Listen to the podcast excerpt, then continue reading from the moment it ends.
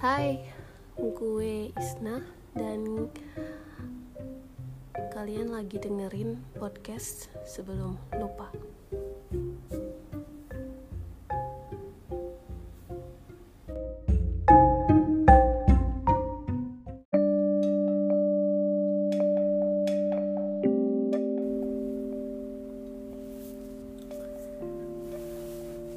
Di tema podcast kali ini, gue pengen bahas uh, yang paling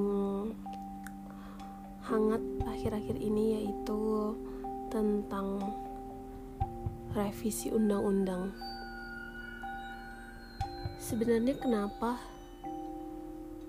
hal ini menjadi begitu terdesak dan tiba-tiba aja gitu booming di saat sebelum pelantikan presiden.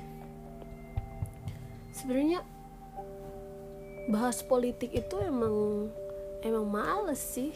Kenapa orang-orang tuh uh, males bahas politik apalagi anak-anak muda. Tapi menurut gue sih anak muda kalau nggak bahas politik atau nggak ngerti sama sekali tentang politik dia selamanya bakalan terjerumus di dalam zona nyaman yang akhirnya membuat dia menjadi apatis dengan apa yang terjadi di sekelilingnya. Jadi dengan berbagai isu kontroversi yang ada di televisi maupun media-media yang lain, kita harusnya bisa jadi lebih lebih paham bahwa sebenarnya negara kita dengan sistem politik seperti ini itu sedang tidak baik-baik aja. Oke, jadi yang mau gue bahas di sini sebenarnya bukan tentang uh, isi dari undang-undang atau apa pun itu, tapi gue lebih pengen bahas dari sisi keresahan keresahan seorang anak muda terhadap kondisi politik di negerinya.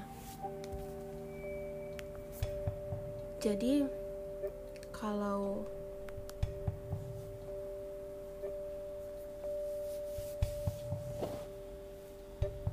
banyak uh, aksi demonstrasi di mana-mana. Sebenarnya ada dua sisi yang bisa kita lihat dari hal itu.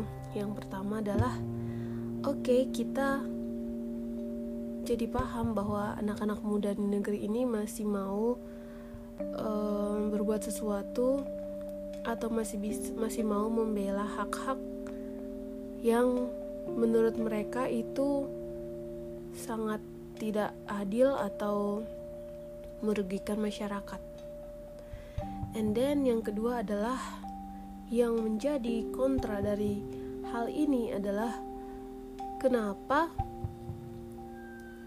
hal ini bisa kenapa demonstrasi dan kekacauan ini semua terjadi di saat menjelang pemilihan atau di saat menjelang pelantikan presiden.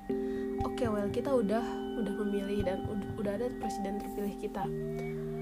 Dan kedaulatan itu mutlak ada di tangan rakyat. Jadi ketika kita membuat rakyat marah, apa pun itu yang terjadi sama pemimpin kita pasti akan diprotes. Kenapa pemimpin kita nggak bisa membela hak-hak rakyatnya? Mungkin inilah yang dimanfaatkan oleh beberapa pihak sehingga menjadi uh, chaos seperti ini. Well, mungkin itu cuma dari sudut pandang yang sangat-sangat tidak masuk akal maybe ya mungkin itu nggak make sense sama sekali ya kalau ini semua itu adalah sebuah skenario besar atau ada sebuah skenario besar di balik uh, hal-hal yang terjadi di sekitar kita bahwa hidup kita ini sebenarnya dikendalikan oleh kekuatan-kekuatan lain yang kita tuh nggak tahu. Oke okay, sebagai orang yang beriman kita kita tentu aja paham dan kita kita semua akan percaya bahwa oke okay, ini adalah takdir dari Tuhan. Bahwa semua kekacauan ini sebenarnya mempunyai hikmah dan pelajaran yang bisa kita ambil. Iya selain itu apa sih yang membuat yang membuat kita itu greget gitu. Kok kok kenapa sih? Kenapa sih kok pada pada berantem kayak gitu? Kenapa sih DPR tiba-tiba kayak gitu? Emang sih kita tahu kalau KPK itu emang, emang para koruptor itu udah pasti. Kalau misalnya KPK dilemahkan tentu saja koruptor itu berpesta.